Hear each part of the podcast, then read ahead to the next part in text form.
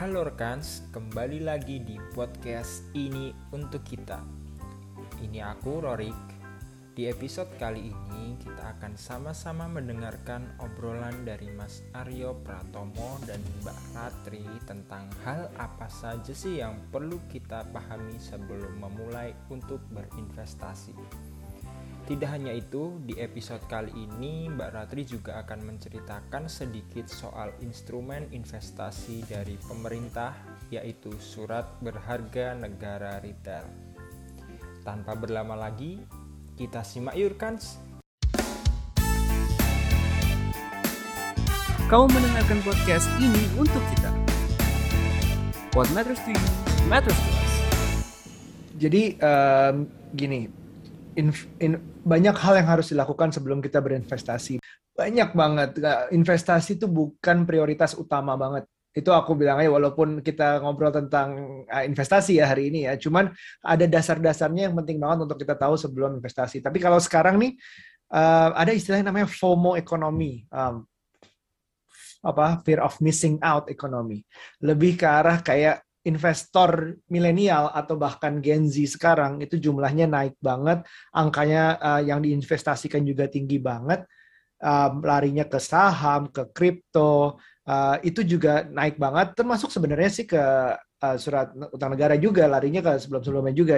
Tapi tapi aku mempertanyakan alasannya. Karena banyak banget uh, influencer atau uh, yang di sosial media bilang bahwa uh, saya naik segini, saya cuan sekian persen, saya punya segini sekarang, uh, belum lagi ada juga MLM-nya yang menunjukkan bank account-nya segala macam, itu juga ada, tapi maksudnya yang akhirnya investasi itu bukan berdasarkan dia tahu apa tujuannya, apa uh, seberapa banyak uangnya, pendapatannya seperti apa, dasar-dasar sebelum investasi, tapi langsung lompat ke investasi karena ngeliat postingan-postingan itu.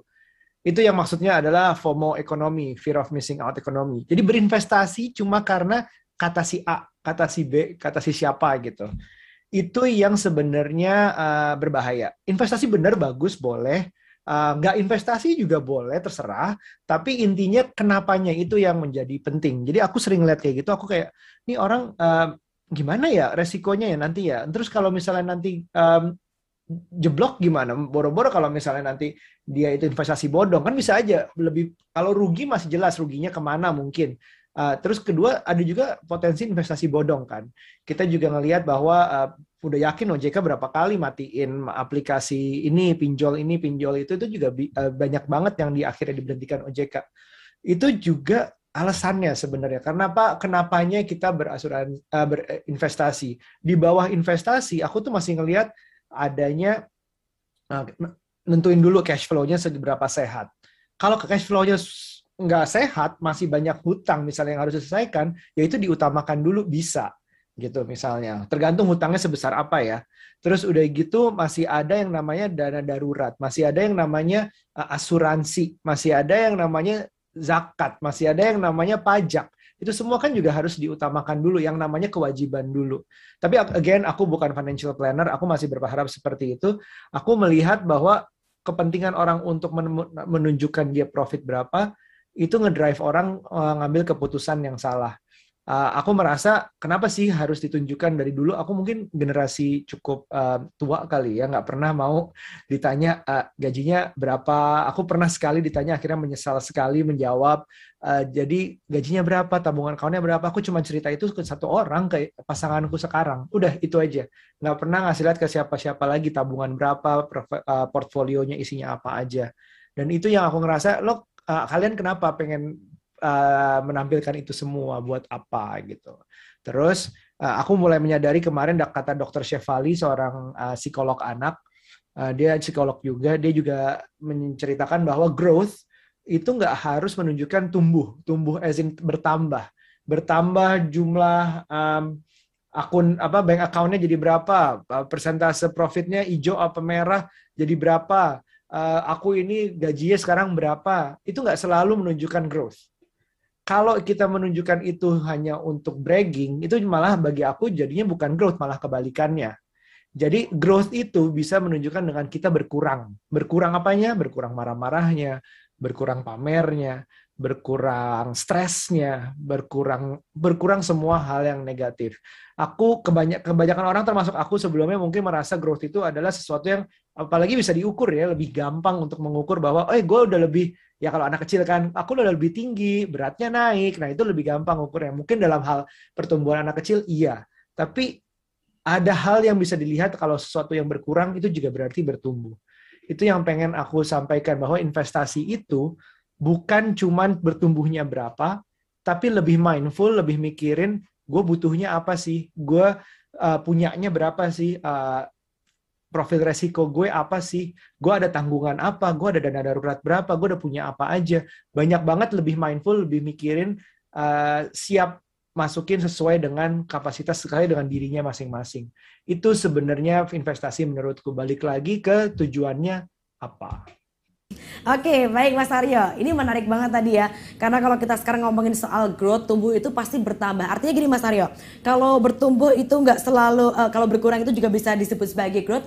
Berarti juga misalnya ada saldo berkurang tapi alokasinya jelas, tujuannya untuk apa, itu juga bisa disebut sebagai growth Mas Aryo ya?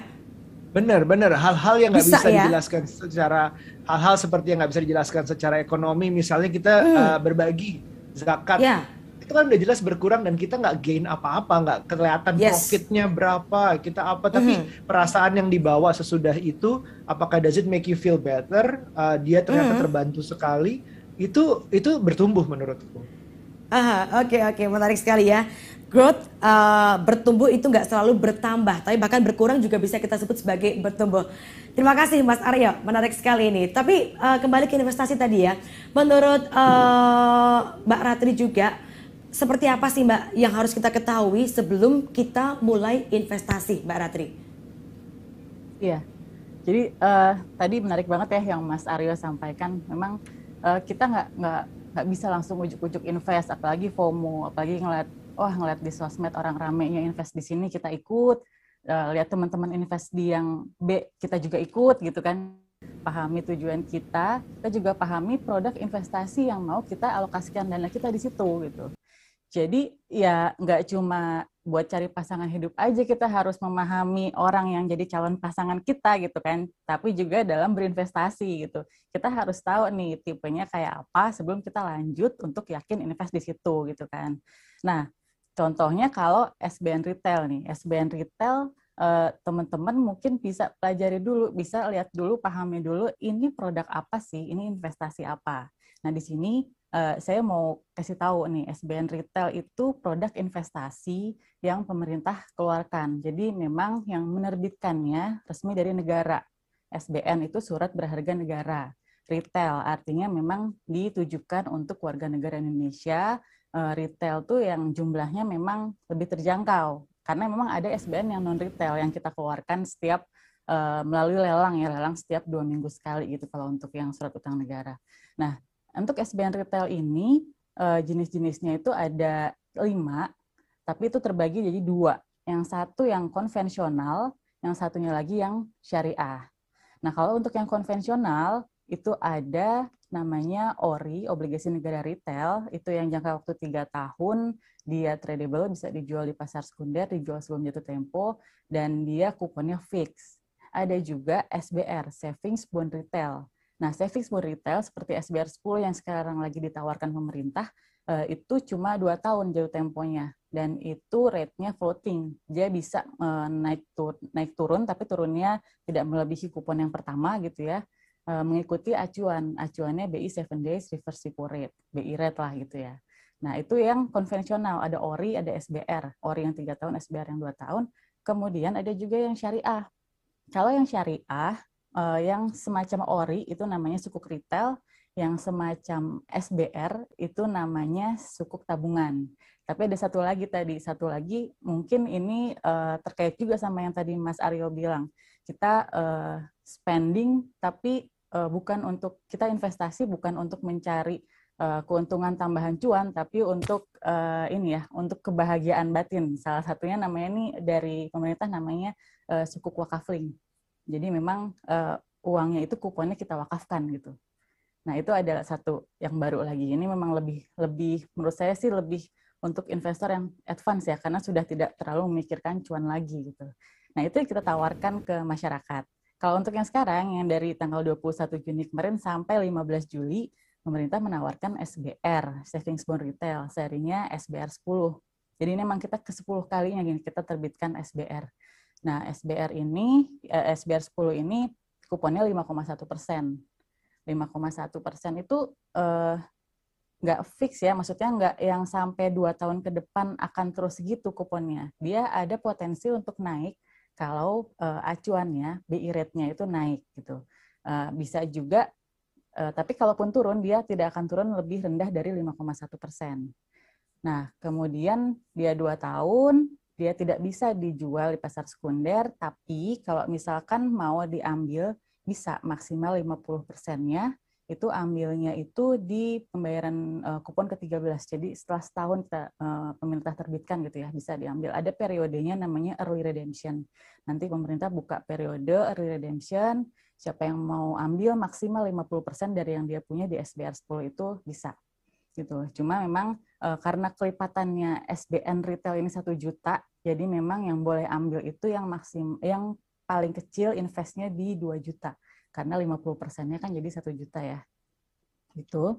Terus juga um, perlu diingat juga nih untuk SBR ini uh, kita sama seperti SBN retail lainnya kita tawarkannya nggak yang setiap uh, saat ada gitu. Jadi memang ini cuma sampai 15 Juli jam 10 pagi kita tawarkan uh, ke, uh, ke ke masyarakat gitu ya.